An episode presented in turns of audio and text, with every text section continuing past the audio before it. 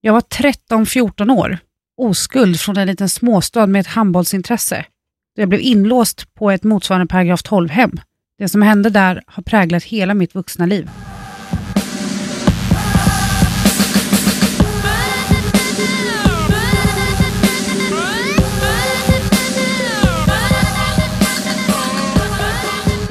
Hej och välkommen tillbaka till Multimammorna. Åsa Brannander här. Och My Martens.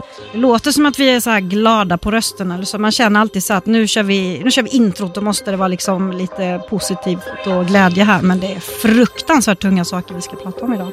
Ja, men det är det faktiskt. Och just nu så känns det som att hela sociala medievärlden eskalerar av den här taggen metoo. Mm. Tror, undrar om det är någon som har kunnat undgå det. Vad handlar den om? Kan inte du dra lite kort om det är någon som har missat?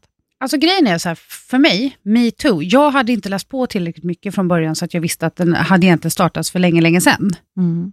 Jag, som många andra, såg Sissi Wallins inlägg, Lulu Carters inlägg och fastnade i den dialogen som pågick då genom Instagram. Ja, det var faktiskt där jag hittade det också. Och Då visar det sig att det här var ju någonting som nyss då startade i Hollywood, men att det redan för tio år sedan startades av en college-student i USA.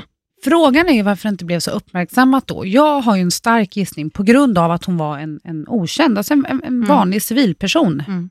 Så fick det nog inte den skjutsen medialt som, som det har liksom blivit genom de här stora Hollywood-kändisarna och våra egna svenska offentliga tv-profiler, sociala medieprofiler Mm. och, och eh, programledare och journalister och så vidare. Nej, men det som fick mig att liksom vakna till i det här, det var ju när Lolo Carter la ut eh, sin tagg om eh, det här som har hänt med, med Martin Timell. Då. Och vi kan väl nämna det redan nu att vi kommer lite senare i programmet ringa upp Lolo, som ju är mitt i eh, stridens hetta vad gäller det här just nu och Mm. höra lite grann vad hon själv Tanken var ju att hon skulle sitta med här, men, men eh, jag förstår att hon inte orkar det heller. Mm. Vi ringer upp henne senare. Men åter till den här taggen då, metoo. Har du varit drabbad? Jag har varit drabbad. Och det är någonting som jag i mitt vuxna liv har dealat otroligt mycket med genom åren. Och det är så att jag känner spontant att det både irriterar, upprör och alltså jag har svårt att ta ställning till taggen. Har du använt taggen? Men jag har inte använt taggen. Nej, än. inte jag heller. Men båda skulle ju kunna. Mm. För jag tror ju att de flesta kvinnor någon gång, alltså vuxna kvinnor, någon gång har varit med om det här. På sin arbetsplats eller på en fest eller, ja, alltså det finns ju många sammanhang. För det är ju sexuellt ofredande. Det är det, det är det det handlar om. En del drar det direkt förknippat till våldtäkt. Och vart drar man den gränsen? Mm. Det är, så här, det, det är jätteknepigt. Men vad är det som gör att du skulle kunna använda den då? Precis som jag sa i introt så är det så här att jag själv varit med om en viss händelse som, som för det första tog mig ganska många år att överhuvudtaget berätta och, och liksom för någon. Jag erkände det knappt för mig själv. Jag har ju av och på, med hjälp då för min dyslexi känner alla till, skrivit på en självbiografi Mm. som jag inte är redo att släppa. I samband med min ensam mamma söker-medverkan så fick jag såklart erbjudande precis efter att jo men det, vi gör det här nu och wow, här är en journalist, nu skriver vi. Men det kändes fel. För den dagen man släpper en självbiografi, för det första så vill jag landat mer i livet och verkligen ha det stabilt omkring mig och kommit till, till de mål. Det är nog viktigt. Men framförallt också så vill man, jag vill göra en förändring. Alltså jag vill kunna skriva och dela med mig av min livshistoria för att kunna inspirera och hjälpa de här yngre, både tjejer och killarna som har hamnat lite snett eller behöver den här, få se att det faktiskt kan finnas ett ljus i tunneln. Så det finns många anledningar till varför jag har avvaktat. Ett, jag har inte varit mogen för det. Två, jag känner mig inte redo för att kliva in och eh, kunna ideellt hjälpa till på det sättet som jag i framtiden vill. Men hur eller hur så är det så att jag har ju släppt vissa saker och att jag har bott hemifrån sedan tidig ålder och, och det här är ett känsligt ämne för vet du vad det värsta är? Nej. Mamma, pappa. Mm.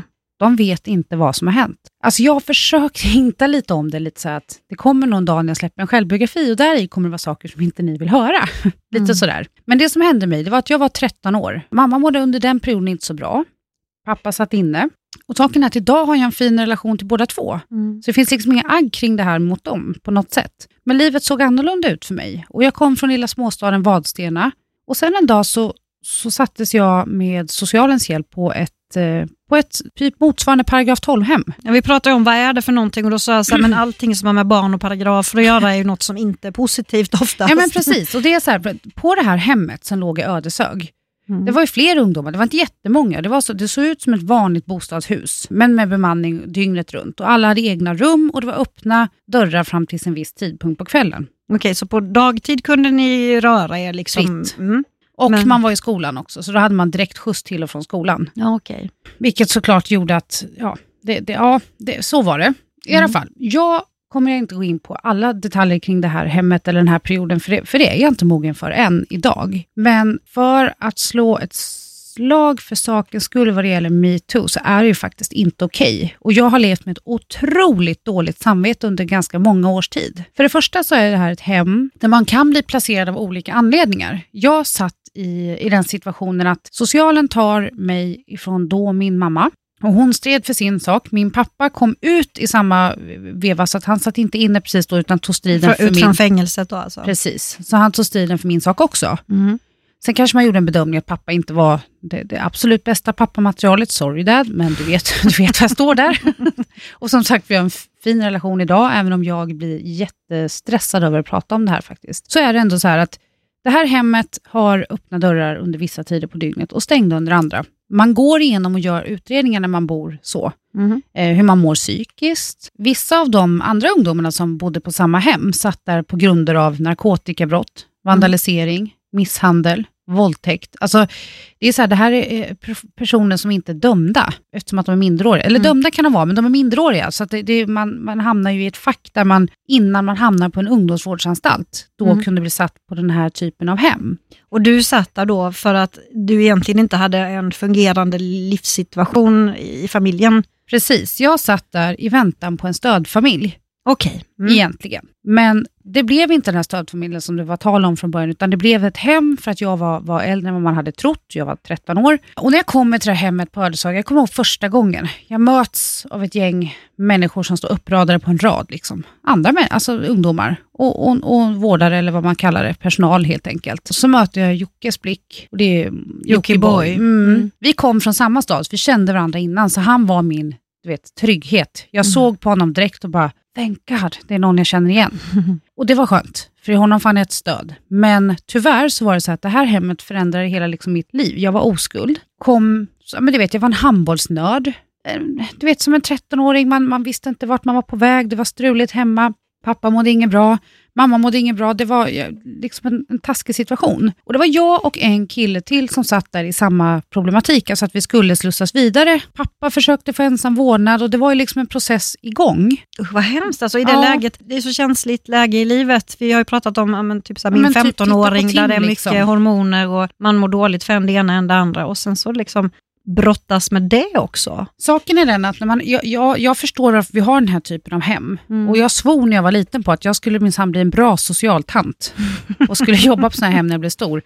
Jag har bytt tanke och jag har en självdistans i allting jag sitter och säger just nu. För att jag är så här, jag, jag kan prata om det som i tredje part. Men det som händer när man hamnar på ett sånt här hem, det är såklart att man utsätts för en väldigt trängd miljö. Där man ska socialt anpassa sig till alla andra som är där. Det finns liksom regler, alltså oskrivna regler internt mellan de som bor där. På det här hemmet så fanns det droger, det fanns pakter och det var, liksom som, alltså det var en värld som inte jag ens hade kunnat drömma om. Och det låter ju jättekonstigt. Man tänker så här, där borde det ju vara väldigt kontrollerat. Liksom så här, droger borde ju absolut inte kunna Nej. få, få förekomma Men man där. vågar ju absolut, nu är vi där igen, man vågar absolut inte tjalla Nej. på någon annan. För tjallar du på någon, då är du liksom, du är körd. Mm. Och det är så här, när man har, vi, vi, vi, det var ju så öppet, du kunde sitta och hänga, spela tv-spel. Man kunde liksom göra lite som man ville där dagtid, Mm. efter skolan, alltså tills det stängdes och så. Jag kan säga att det tog inte mig en vecka förrän jag första gången hade blivit våldtagen. Utav någon annan på, på hemmet då, alltså som var inneboende där. Både och. För det, det var det, jag blir helt mållös. För jag antar att där är det ju, du väntar på en stödfamilj så att det är ju inte hos en familj som ni bor, ni är Nej. ungdomar, utan det här är personal som jobbar där för att ta hand om er och se till ert Mm. bästa. Och saken är så att jag var ensam tjej. Och de här killarna var äldre än mig, ett par år. Tonårskillar liksom, med missbruk bakom sig. Och som inte någon av dem kom från den här trygga, härliga familjeuppväxten. Där liksom förändrades verkligen mitt liv. Det var brutalt vidrigt. Och det värsta är att det som jag utsattes för var av en eh, som jobbade. Och det är så här, det ska Oh. inte kunna hända. Men det är ganska många personer inblandat och jag för här kommer vi till den här metoo-taggen och- som vi ska ta upp med Lullu sen. Jag vill inte säga vem det här är. Nej. Och det har jag tagit ett beslut på i senare år, för att jag fick själv läsa om den här personen i tidningen för x antal år sedan. Och han hade tagit sitt liv på grund av en dom Mm. där det fanns många fler än mig som hade klivit fram. Herregud. Och jag kände mig så feg, misslyckad, äcklig. Jag kände mig så värdelös som aldrig hade sagt någonting. För jag hade kunnat skydda så många som kom efter mig. Mm. Jag var inte ensam. Så jag kände mig så medskyldig till den här personen. Och där brakade jag i min första kraftiga depression i min alltså, vuxna ålder.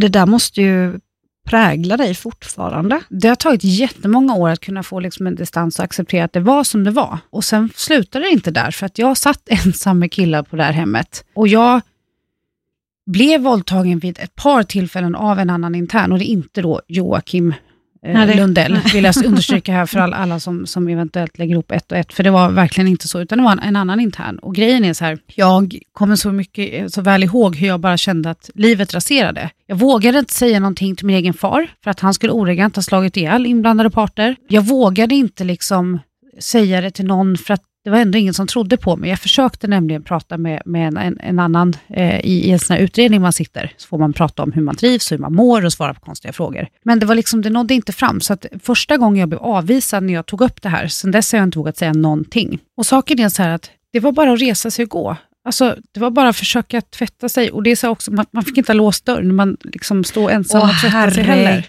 herregud. Eh, för att det finns eh, självmordskandidater då såklart bland de här trasiga ungdomarna. Så att dessutom så står man bevakad när man, när man duschar. Och, och, och saken är så här att jag kan bli arg på att de vuxna som faktiskt jobbar där inte hade bättre koll. Nu med facit i hand när man själv är vuxen. Jag hade så vanligt eh, ofärgat blont hår. Jag färgade kolsvart, klippte av det, började använda nitar, började skära mig. Jag gjorde allt som stod liksom i ett destruktivt beteende för en ungdom.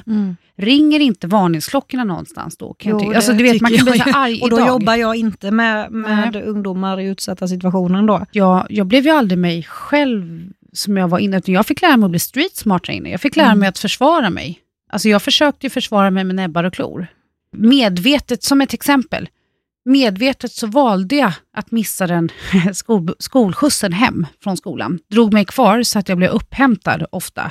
Det fanns två olika bussar som man fick ta, sen så annars så skickade de en, en eh, hämtning då. För att minimera den öppna tiden på det här så kallade hemmet. Jag lärde mig liksom att bli en fighter och överleva de timmarna som jag behövde innan jag kunde ha låsta dörrar igen. Och den här personen som, som var vuxen och som liksom jobbar under, under våra kära myndigheters liksom, namn eller vad vi ska säga, för jag vill som sagt inte gå in på vem det är, då det finns eh, barn och andra inblandade. Den personen, han fanns liksom inte inne på hemmet, utan han ingick i en del av min utredning kring mig. Och jag har fortfarande, du vet, jag har en hel resväska med akter kring min utredning. Och sen det som följde, det var ju att jag hamnar utanför systemet, för att när min far kliver ut och får en tillfällig ska man säga, prövvårdnad av mig, så kom jag ju bort från hemmet, kunde känna mig trygg. Men min far jobbade med mycket annat då, så att han var liksom inte där. Nej.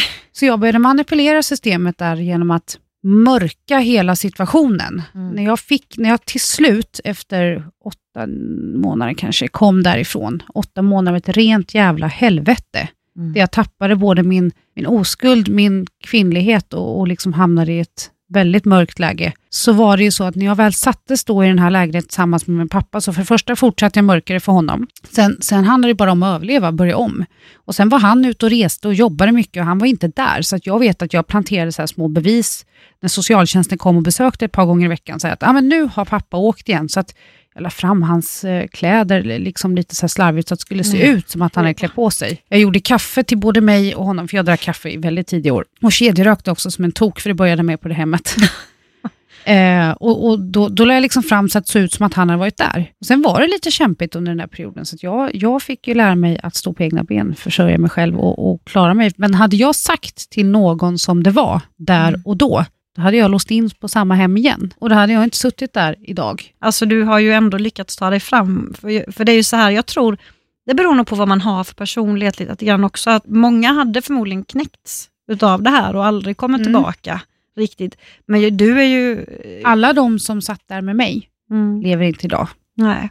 Nej, och det, det förvånar mig inte alls, men du har ju ändå på något vis lyckats vända det här förskräckliga till att skapa en kämparanda och en Mm. revanschlusta upplever jag. På gott och ont säkert, men det gör ju att du har, du har ju ett driv och du låter ju inte någon sätta sig på dig, ska gudarna veta, och, och köra med dig, utan det, det liksom... Som sagt, man, man fick ju en överlevnadsinstinkt där Mm, och då. mm, Eh, och den har väl inte alltid varit så självklar i och för sig, men däremot så har det gjort att man, jag har alltid strävat efter att komma framåt, göra om, göra rätt. Jag vill inte förknippas med det där och jag ville, det tog ju mig jättelång tid att hitta liksom en, en, ett sätt att förhålla mig till en sexuell relation. Mm. För det var ju rök, det fanns inte.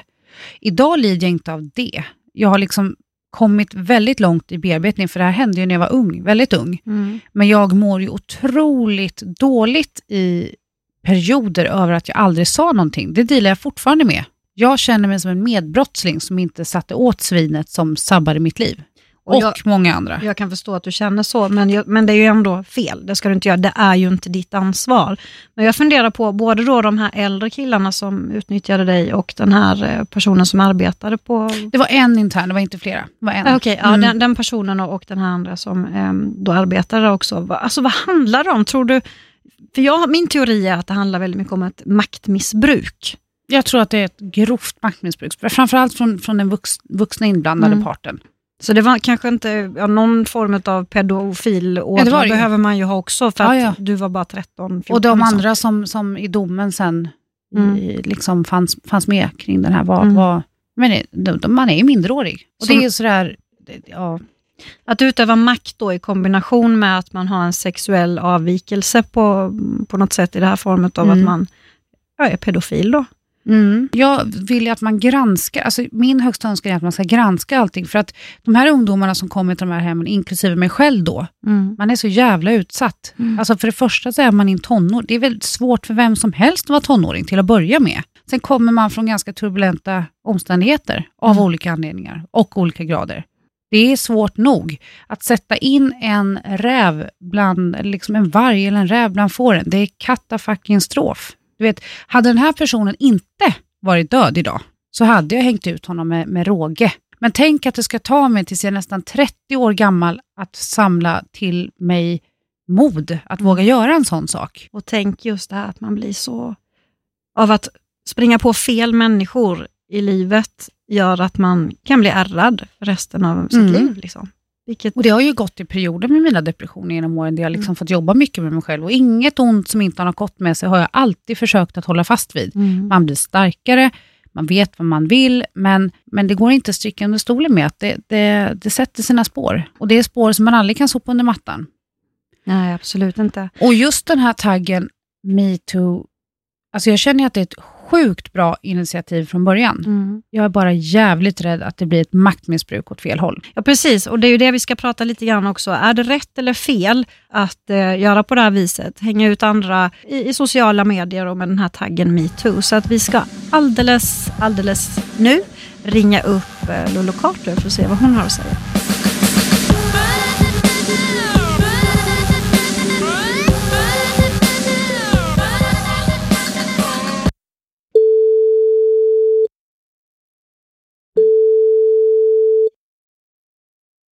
Hallå? Hej Lolo, det är Åsa Brannander. Och My Martens. Hej, Hej. hej, hej. Hur står det till? Jo då, det är helt okej. Jag la mig och vilade lite grann, men det, det är lugnt. Det gör du helt rätt i.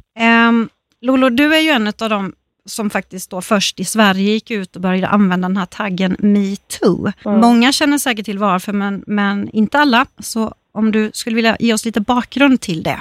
Ja, jag gjorde ju det inlägget. Eh, då använde jag den inte där jag eh, jämförde Martin Timell med, med Harvey Weinstein. Och det, det blev ju en väldig fart på det och då använde jag inte den taggen för då hade inte det dragit igång riktigt än. Utan det kom ju igång där strax efter och sen har Mm. jag använt den Mm. givetvis eftersom Mm. det är någonting som verkligen har drabbat mig och jag vill, eh, jag tycker hela manifestationen, hela, hela, vad kallar vi det? Vad säger vi? Vad kallar ni det? Upprop kan man väl kalla det för Upprop också. kan man det. Det är väl jättebra. Mm. Det är fantastiskt. Mm. Och eh, det var ju på något sätt så blev det ju en form av, jag säger att det var en gudomlig ingivelse och en perfekt timing Mm. att göra det inlägget då. Och ehm, det Mm. har ju verkligen gett ringar på vattnet och jag tycker det är fantastiskt. Att, men också ganska skrämmande att det ska behövas en offentlig person för att, eh, Mm. för att våga lyfta på ett lock som bara var som en eh, vulkanexplosion. Och läskigt att se hur många människor som är drabbade. Mm. Mm. Ja, för om jag förstod det rätt så var det så här, det här är ju inte någonting som du har varit tyst om tidigare heller, utan tagit upp med bland annat då givetvis de ansvariga på TV4 om situationen som har rått. Mm. Alltså det som skrämmer mig Lullo, det är att internt så har ju folk vetat om detta. Mm. Och det ja, är så det är här, ju fruktansvärt. det, Alltså det är ju det är tio år sedan snart som jag, eh, nu ska vi se så att jag säger, jo det är tio år sedan och sen så blev det ju de, de det var ju bara locket på och jag fick ju inget gehör eller gen, gensvar överhuvudtaget utan det, Varför tror du att det blev så? nepotism det är ju tvågelpolitik eller på att säga, det är ju, Martin är en, har varit får vi säga nu då, en enorm kassako som drar in massor med pengar till, till TV4 och ledningen är hans kompisar. Så de har ju hållit honom om ryggen. Framförallt har de ju hållit honom om ryggen därför att han, han är en sån viktig profil för honom därför att han drar in så mycket pengar. ja, men, ja, för precis Lullo, han, grejen med Martin är att han, det är ju svårt att inte frångå att han har en viss makt. Både av, era, alltså, ja. både av dina gamla kollegor och så. Men jag måste få fråga en sak. Har du Mm. någon gång försökt alltså, ställa Martin mot väggen face to face under pågående tid? Jag har vid några tillfällen sagt till honom att det är inte okej. Nej, men alltså jag kan säga så här, jo det har jag visst gjort, men jag kan säga att man mörk, alltså man tystade ner allting, alltså man, man, man la band på sig. Det var ju Mm. några tillfällen så här, nej det är inte okej att du skickar det där, och skit i att skicka det där, tänk om någon skulle se det och vad pinsamt och, och och skjutit undan honom när han har liksom varit för närgången och när han har gjort saker. Och jag har också bråkat med honom när jag har sagt att du kan inte hålla på och försöka fylla mig, att jag ska bli full på... Det enda du vill är att du ska försöka komma åt mig, försöka ligga med mig och därför du vill att jag ska bli full. Det är liksom äckligt, jag mår illa. Och när då, när då hans, eh, hans eh, närstående, hans hustru i det här fallet, då, hittade hans telefon förmodar jag, så, så, så fick jag bära skulden för att, hur han hade hållit på. Så Fick du klä skott för det? Ja, därför att hon krävde ju att jag skulle bort ifrån programmet för Mm. att inte, för, för, för annars skulle det bli skilsmässa. Och då Ja. var det viktigare att skydda Martin än mig, så då skulle jag ju bort och då, då blev jag förtvivlad och bråkig och sa att här, Åsa Sjöberg, liksom, här har du bevis på att liksom jag det här är inte klokt att jag ska få gå. Och sen så kom ju hela det här med, med eh, flickan i badtunnan som jag ju vet om det är. Så det har ju varit ganska mycket genom åren och framförallt är det ju inte bara jag som har drabbats eh, utan det är så många som har drabbats utav hans, eh, hans sätt att vara. Hans, hans, han är ju en, en manipulativ människa och han är ganska, kan vara ganska elak och, och det är vuxenmobbning av alltihopa och väldigt mycket råa skämt, Mm. homofobiska, rasistiska, eh, sexistiska. Om han tycker att någon blir, blir besvärlig så ska de liksom bort bara. Eller han tycker Mm. att det är fel på någon programledares röst eller vi ska inte ha några, några, några bögar i programmet här, familjeprogram Gud. eller Alltså är det är det en klassisk härskar- härskarteknik. Ja. Jag tänkte säga det. Och jag, man, man ser ju nästan på dig Lula att det finns ju en, alltså du, ditt beteende genom den här perioden som, som du har delgett oss genom intervjuer och, och din egen skriftlig, så att man ser ju det lite som en misshandlad, nedtryckt kvinna. mm. Där och då så, alltså man har ju inte ork till det. Och jag talar lite av egen erfarenhet, det, det vet inte du än för att vi har pratat om det Mm. innan här, att jag också är en, en person som har blivit drabbad och jag, jag lider så mycket när jag hör dig berätta i, i bland annat intervjun du gjorde med Aftonbladet där. Just, Mm. för du får ju den här frågan, varför har du inte sagt något? Varför har du inte gjort något? Och det är ju säkert Mm. många där ute i, i liksom husen som Det, och det är tänker det så. jag försökt, försökt förklara i, och när det kommer kommentarer på inlägg jag gör kring det här nu så är det ju, oftast är det män som frågar men vad, vad är du för en djuridiot som bara har stått, stått ut med det där så länge då? Och det går inte att förstå förrän, det går nästan inte att, förklara. Jag försökte göra det genom att beskriva just den här härskartekniken och den här rädslan man har för att förlora jobbet. Mm. För att det finns inga, alltså du, du, är anställd. Alltså, Du är i en beroendesituation. Ja, man är i en total beroendesituation Mm. och man har ingen fast anställning. Jag hade kontrakt med TV4 i två år och det var ju under den perioden sen när det här hände med, med eh, upptäckten av eh, de här... ja, Där, där man försökte skydda, säga att vi hade haft en relation för att skydda sig bakom det på något sätt då. Alltså. Det är inte okej någon alls. relation. Och det är ju liksom hans...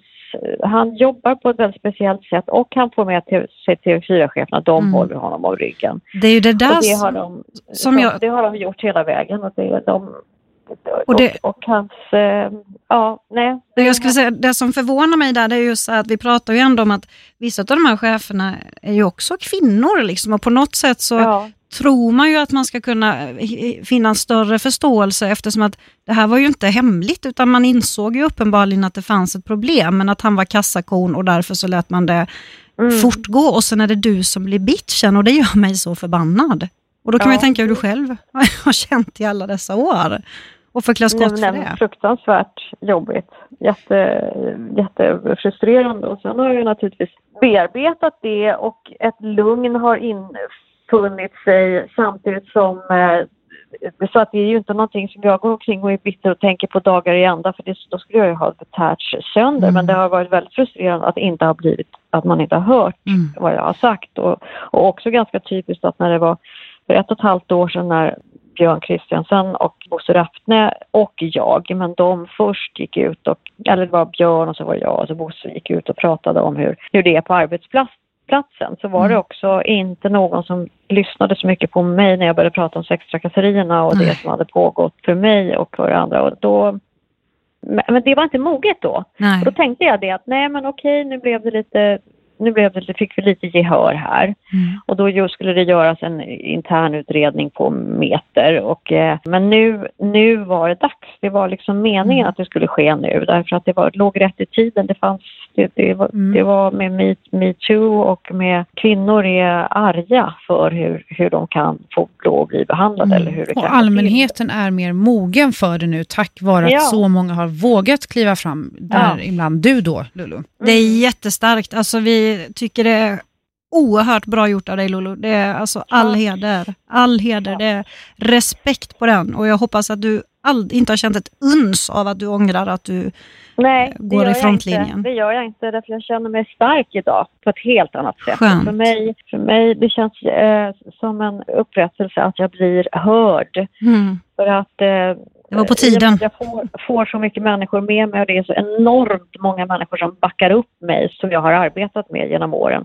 Som tidigare inte har vågat göra det. Och då Nej. var det jag och så var det den här flickan som har gått ut med den Mm. incidenten i badtunnan och så var det ju Ola Fredholm och, och Tobias och, vi, och så några till då som, som vågar gå ut med sina namn. Mm. Vilket har gjort att fler vågar. För att nu är det liksom, man har inte vågat tidigare. För man jobbar i branschen och man vet inte, oj, kommer jag Nej. aldrig mer få något jobb med meter? Och nej, just det, jag kanske ska jobba Nej, med den där produktionen för TV4. Man är så rädd. Mm. Och man har fått höra det så många gånger. Du, ska du vara kvar i den här branschen så eh, ska du nog vara väldigt försiktig med att gå ut med det där. Mm. Eller, jag har Herregud hört att jag ska säga, Jag har ju hört Martin säga du, pick your fights och spänna ögonen på folk. Liksom. Bara, ja. Nej. Och det är tyvärr så. Ja. Och jag tror så här, alla som har någon, någon touch i, i mediebranschen vet ju att man är i en beroendesituation för att det är Mm. korta kontrakt och man har inga garantier och, och det, det ena Mm. leder till det andra. Men sen tänker jag så här Lulu, är det nu så att du har fått mycket kärlek ser vi, vi ser att du har ett enormt stöd, men är det Mm. några liksom, allierade som kliver upp och sätter sig emot nu eller är det så att vissa faktiskt har bett om ursäkt? Ingen har bett om ursäkt. Inte någon? Men eh, nej. Nej. Men det är inte någonting som jag har förväntat att de ska göra heller på något sätt. Utan jag, jag tror inte det kommer att ske och kommer det att ske så är det, det är fantastiskt. Men, Mm. men bara att det här får komma, äntligen får komma upp till, till ytan och att jag får höra okej, det här hände, vi såg det och vi vet det och vi vågar stå och vi vågar stå vid din sida och det bara kommer fram mer och mer och mer och mer som visar på denna lockpåläggning då. Det, Ja. det, är, för mig är det jag vill liksom. För att det är väldigt jobbigt att gå och bära på det där och, och att behöva, alltså, ja sen är det liksom att man, man skäms ju också för att man har, jag har varit med om och liksom, jag har ju deltagit till att, att skydda den här personen Mm. och det är det som är så läskigt med en, en så manipulativ person. Jag Mm. ska inte ställa diagnos på honom men, men det, är- det, det är inte, det, ja. Det, och det är ju helt galet att, Det är ett att extremt ska, osunt beteende. Ja, liksom. men att, man, att du som då har blivit utnyttjad i det här fallet, att du ska skämmas. Liksom. Det är inte, Mm. Du har ingenting att skämmas för Lolo. Absolut inte. Om Martin Timell är en, en, en fähund och, och ett, har betett sig som ett svin så är ju TV4-ledningen är ju kriminella tycker jag. Eller De, är ju han, de har ju hållit honom om ryggen, de borde ju avgå hela gänget. Mm. Men nu ska det ju göras en utredning Mm. och det är väldigt det. roligt då att det ska göras en ex, extern utredning eller vad, vad de kallar den för. Mm. Och, Mm. Men de skulle anlita någon oberoende... Eh, Oberoende Zettervalls är det som ska göra en utredning och den här utredningen ska då redovisas för skurkarna själva. Vem är det som ska ta del Ja. av den här Mm. Ja, utredningen? undrar man. den är under Och all där vill kritik man, faktiskt. Ja, där, där vill man ju bara uppmana allmänheten att kräva att den, den utredningen måste ju få bli offentlig Mm. då. Eller alltså vem ska ta del av den? Mm. Ska Åsa Sjöberg och Karsten Almqvist sitta och läsa om sina egna fel och brister? Ja, okej. Men det, vi får väl hoppas att det är så pass blåslampa på nu så att man, man måste på något vis dela med sig av det som framkommer Mm. där. För, Mm. Eftersom att det är så mycket som har kommit upp i ljuset också. Mm. Ångrar du Lolo att du inte har sagt eller gjort någonting tidigare som, som eh, Jag kunde inte ha gjort mer än vad jag har försökt göra tidigare och jag tror inte det fanns inte en chans för mig att få bli hörd förrän nu. Jag tror att jag, utan den uppbackningen jag har fått så hade jag nog bara lätt kunnat uppfattas som en bitter, hämndlysten eh, människa som tycker att nu ska jag minsann... Eh, det, det var inte moget förrän nu och det är ju också det att jag genom åren sedan jag slutade på Äntligen Hemma så har jag bara förundrats över att jag bara får höra hela tiden från kollegor, du ska veta Lola, det har inte blivit bättre och nu händer det och nu händer det. Även om jag inte hört så mycket om sextrakasserier, det har jag hört mer ifrån kvinnor som han har träffat ute på andra ställen än, än på, på sin arbetsplats som mejlar till mig nu och berättar Mm. olika saker. Jag säger till dem att det är förfärligt. Antingen, antingen så får du polisanmäla eller så får du ringa till kvällspressen och ta, dela med dig av det här. Jag hoppas att du har fått hjälp och stöd och, av Mm. din omgivning. Så att, men eh, det är ju överhuvudtaget män, män tycker att de kan klampa på och göra saker mot kvinnor som är fruktansvärda. Och det här med att ja, men hon klär sig si eller så eller Mm. eh, Det är väl helt hon irrelevant var tycker så jag. slampig. och- Det spelar väl ingen roll, som min dotter sa, det spelar väl ingen roll om jag går ut på gatan spritt språngandes naken. Nej, Så ska ingen komma i min närhet eller kränka mig på något sätt ändå.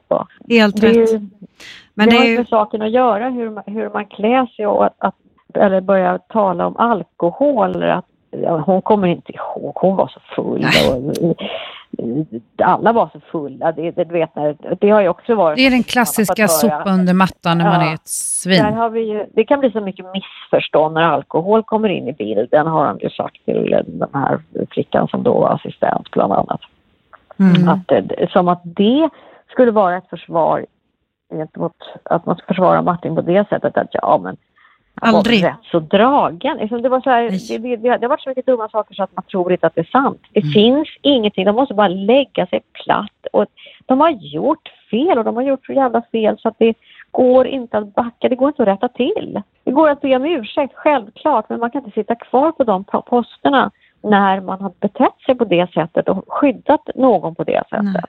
Men om jag tolkar dig så är det så att du förväntar dig egentligen ingen ursäkt, men du hoppas på att TV4-ledningen får stå till svars för det här och att givetvis Ja. Martin då eh, får, får ta konsekvenserna av det här Mm. också.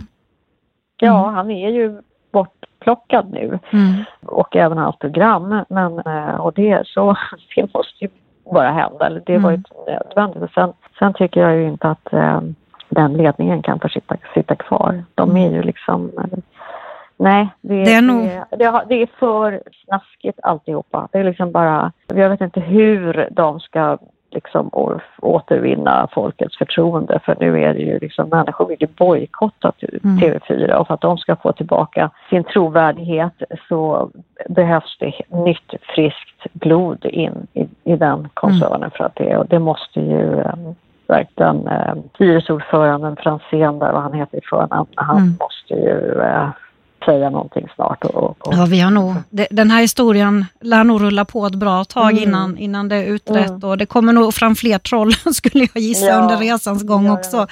Men innan vi avslutar Lolo, vi är jättetacksamma för att vi, vi har fått ta den här stunden med dig, så undrar jag om du har något råd, för det är ju faktiskt många som på ett eller annat sätt har råkat ut för det här under sitt vuxna liv, ja även från barndomen kanske. Har du något råd till andra kvinnor i liknande situationer? Att aldrig, aldrig vara tyst. Vare sig man har varit full eller kjolen har varit kortare än kortast eller vad det än. Man får aldrig ta bort på sig skulden för att, att man ska ha gjort något fel. Och eh, tala med sina... Vem, vart, nu kommer ju lagstiftningen ändras tror Mm. jag och det Jag kommer att hända riksdagsnivå. Jättemycket och det kommer att finnas eh, stödgrupper och det är uppe på riksdagsnivå. Jämställdhetsministern, Mm. eh, nej det, förlåt, jo jämställdhetsminister är det va, som, som eh, tar tag i det här och det kommer att finnas en helt annan möjlighet att få hjälp. Och vet du Eh, vad? Du, att, här, du är en ja. av dem som har gjort det möjligt. Alltså, det alltså ja, tack det för att du bra. gjorde detta Lolo. Då är jag väldigt, väldigt nöjd med det, att jag har kunnat hjälpa en massa kvinnor Mm. De kan höra av sig till mig om Mm. det går för långt, för då ska jag hjälpa dem.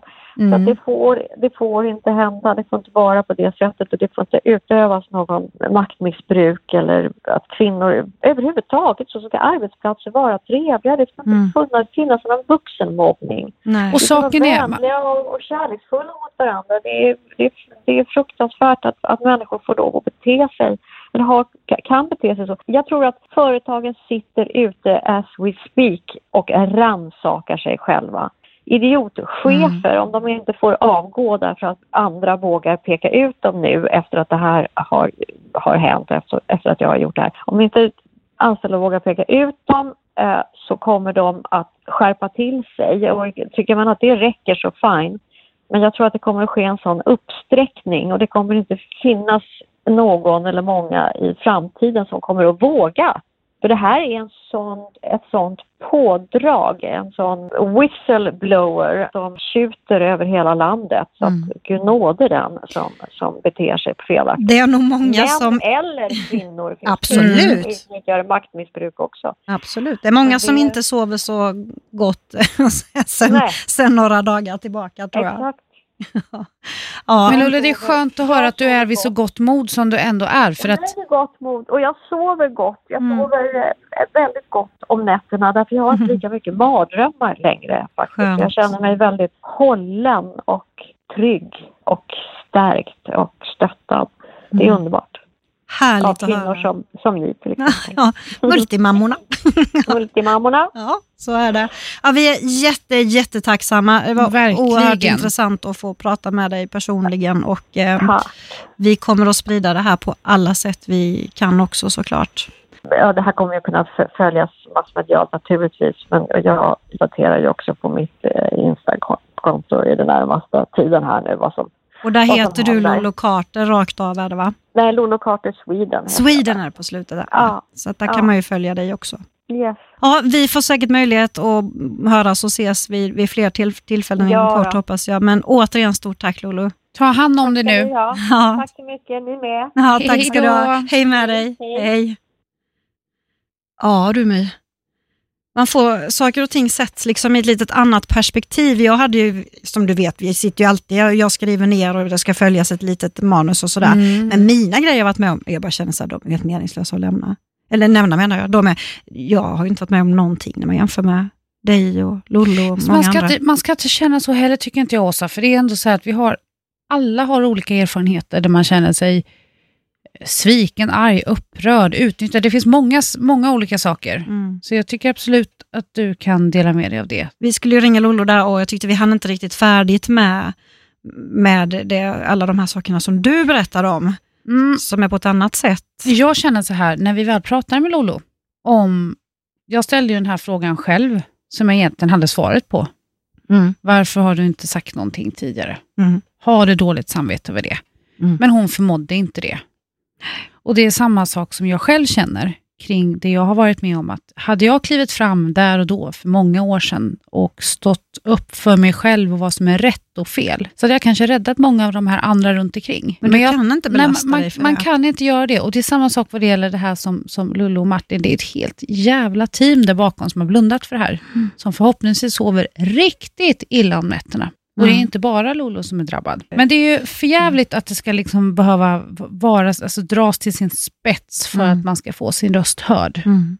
Men du, jag måste bara ta upp det också, för vi har ju pratat om det innan och jag tycker, jag, jag tycker att man kan credda en person som har funnits i ditt liv och som fanns då på det här hemmet samtidigt som dig, för att jag vet ju att det var ju inte självklart att du faktiskt skulle överleva den tiden ens. Nej, det var riktigt illa där och då, av många anledningar såklart. Men det är så att alltså, Joakim som var min partner in crime där och då, Och då är det återigen Jockiboi vi pratar just det, om. jag har så svårt att säga Ja, det. Han heter för övrigt Joakim Lundell nu, som gift med Jonna Lundell.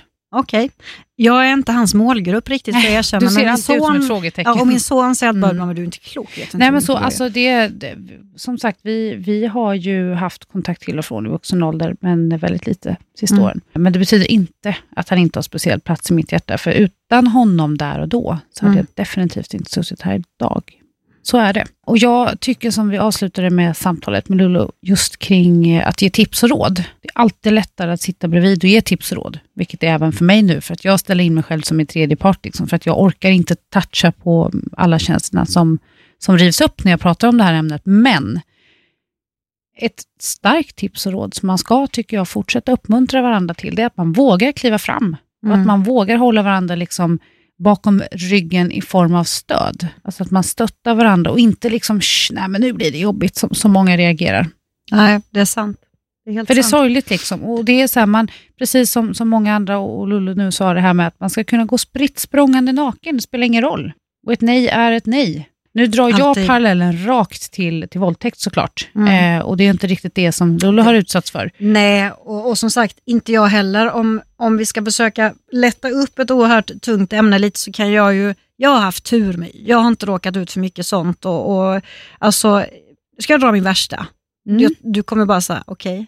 Det var, jag jobbade i ett IT-företag, jag var väl typ så här, kanske 25 skulle jag gissa, var ute på mina första stora liksom, uppdrag. Detta var uppe i norra Sverige och jag träffade en jätteviktig kund. Det skulle kunna, kunna bli då min största affär dittills i, Mm. i karriären. Och vi sitter och äter lunch och han var ju han var väldigt så här, liksom flörtig. Han var ju dubbelt så gammal som mig säkert, men liksom så lite, ja, tog lite på mig och sådär. Och sen när vi sitter och äter där så tittar han på mig och säger så här, Åsa, du är som en frukt, mogen att plockas. Och det var ju Alltså, lite mm. ofredande tyckte jag. Men det är inte något som jag lider av i dagsläget eller liksom har några större men av efter det. Då. Men det var ändå lite dåligt tycker jag. Man Jag- ska absolut inte, man ska inte jämföra dig med en frukt till att börja med. Jag Ska. päron kanske. Och han kanske bara ville vara, visa sin uppskattning för han tyckte att jag var en söt 25-åring. Liksom. Men jag, jag blev inte bekväm Mm. i den situationen. Nej, jag förstår det. Ja, det var ju en knasig avrundning. Vi har faktiskt en grej till som vi inte har tagit, och nu blir vi så här överrumplade för det har vi inte pratat om. Veckans pojkvän, vi har ju det som stående inslag. Ha, hur ska man koppla det till metoo? Det kan man förmodligen inte, inte göra. Men om jag börjar då så hinner du fundera. Min veckans pojkvän är att just nu när det här avsnittet sänds, då är jag iväg och firar jubileum med min. Du ser. Mm, det är jag Mm. och han vet inte vart vi ska åka. Så att, och jag, förhoppningsvis så lyssnar han inte på det här på söndag utan vi jag har förmodligen Spendera dagen tillsammans. Ja, men förhoppningsvis har vi betydligt trevligare saker för oss än att lyssna på Multimammorna tillsammans just då, även om det är trevligt. Men jag, jag ska överraska honom faktiskt i helgen. Så att vi Mm. Ska, ja, vi ska åka iväg och så ska vi fira Jubileum, då. då är det ettårsjubileum eller? Det hade jag inte tänkt att avslöja Nej. riktigt, men ehm, Det är inte officiellt. jag kan väl, kan väl i bekräfta att det är så. Det är ett år sedan som vi räknar som vår dag. Så, Just då hade vi känt varandra ett tag innan. Men, mm. Mm. Så vi ska faktiskt tillbaka till samma Mysigt. ställe som, ja, man kan säga så, som vi blev ett par på. Och det är något så oerhört sexigt som badhotellet i Tranås. Kommer du ihåg vilka utslag du hade där? Nej, det var inte där. Nej. Det var med en annan, en annan man och ett annat spa. Nu blev det ju väldigt tokigt. Ja, men nu tänkte okej, ja det kanske det blev. Vi bytte det. Så jag bara, jag har för mig att du SMS, nej, MMSade mig därifrån, men det kanske var ett annat spår. Det var ju sådana Någon här, annan man. såna där jag fick stafylokocker eller någonting i I vattnet. ansiktet ja. Ja, Som jag, ja, det blev Mm. blommade upp. Så, usch, det, där. Ja men vi släpper det var det. dumt att ta in det i, i, i veckans pojkväns eh, där tycker jag. Ja. Har du något trevligt? Veckans pojkvän. Otrevligt? Ja, jag beundrar Jonas fantastiskt mycket som växer in i rollen som styvpappa. Som börjar planera sa- saker i vardagen inför att Lilleman ska komma upp. För att vi pendlar ju mellan Stockholm och Öland och varje tillfälle som ges så försöker Lilleman komma upp eller Jonas ner. Mm. Och det är på bådas initiativ. Så att det är verkligen så här, kan vi åka till Jonas idag mamma? Men Mm, eh, jag måste beundra, eller jag beundrar liksom Jonas enormt, så jag vill egentligen bara lyfta honom i och med att han är liksom 41 utan barn, har Mm. ingen erfarenhet genom att ha träffat någon med barn tidigare. Och han är fenomenalt bra att växa in i det. Han styr och ställer och försöker liksom planera middagar, handling för att göra det extra mysigt och sätter sig och spelar och verkligen ja, engagerar sig. Och det värmer i mammahjärtat. Mm, det är klart. Det förstår jag. Jaha du, Så det blev en bättre avslutning än början på det här blev jobbiga det. ämnet. det blev det. Men jag tycker det starkt av dig också att dela med dig av dina erfarenheter. Förhoppningsvis så hjälper man någon annan på vägen. Det är Ja. lite det som det hela handlar om tycker jag. Och fortsätt att mejla till oss. Vi fick ju massor med mejl, framförallt efter det här när jag berättade om Tims flytt till sin pappa och det som jag hade tänkt att jag skulle briefa vidare i det här avsnittet, men vi har faktiskt inte tid med det nu. Fortsätt att mejla till oss. Det här är ett ämne som berör på multimammorna.outlook.com. Följ oss på Facebook, Multimammorna, och givetvis på våra bloggar som heter precis som vi gör själva. Fast SC på slutet. Så vi säger väl tack och hej. Det gör vi. Vi hörs nästa vecka. Välkomna tillbaka. Hej hej. hej.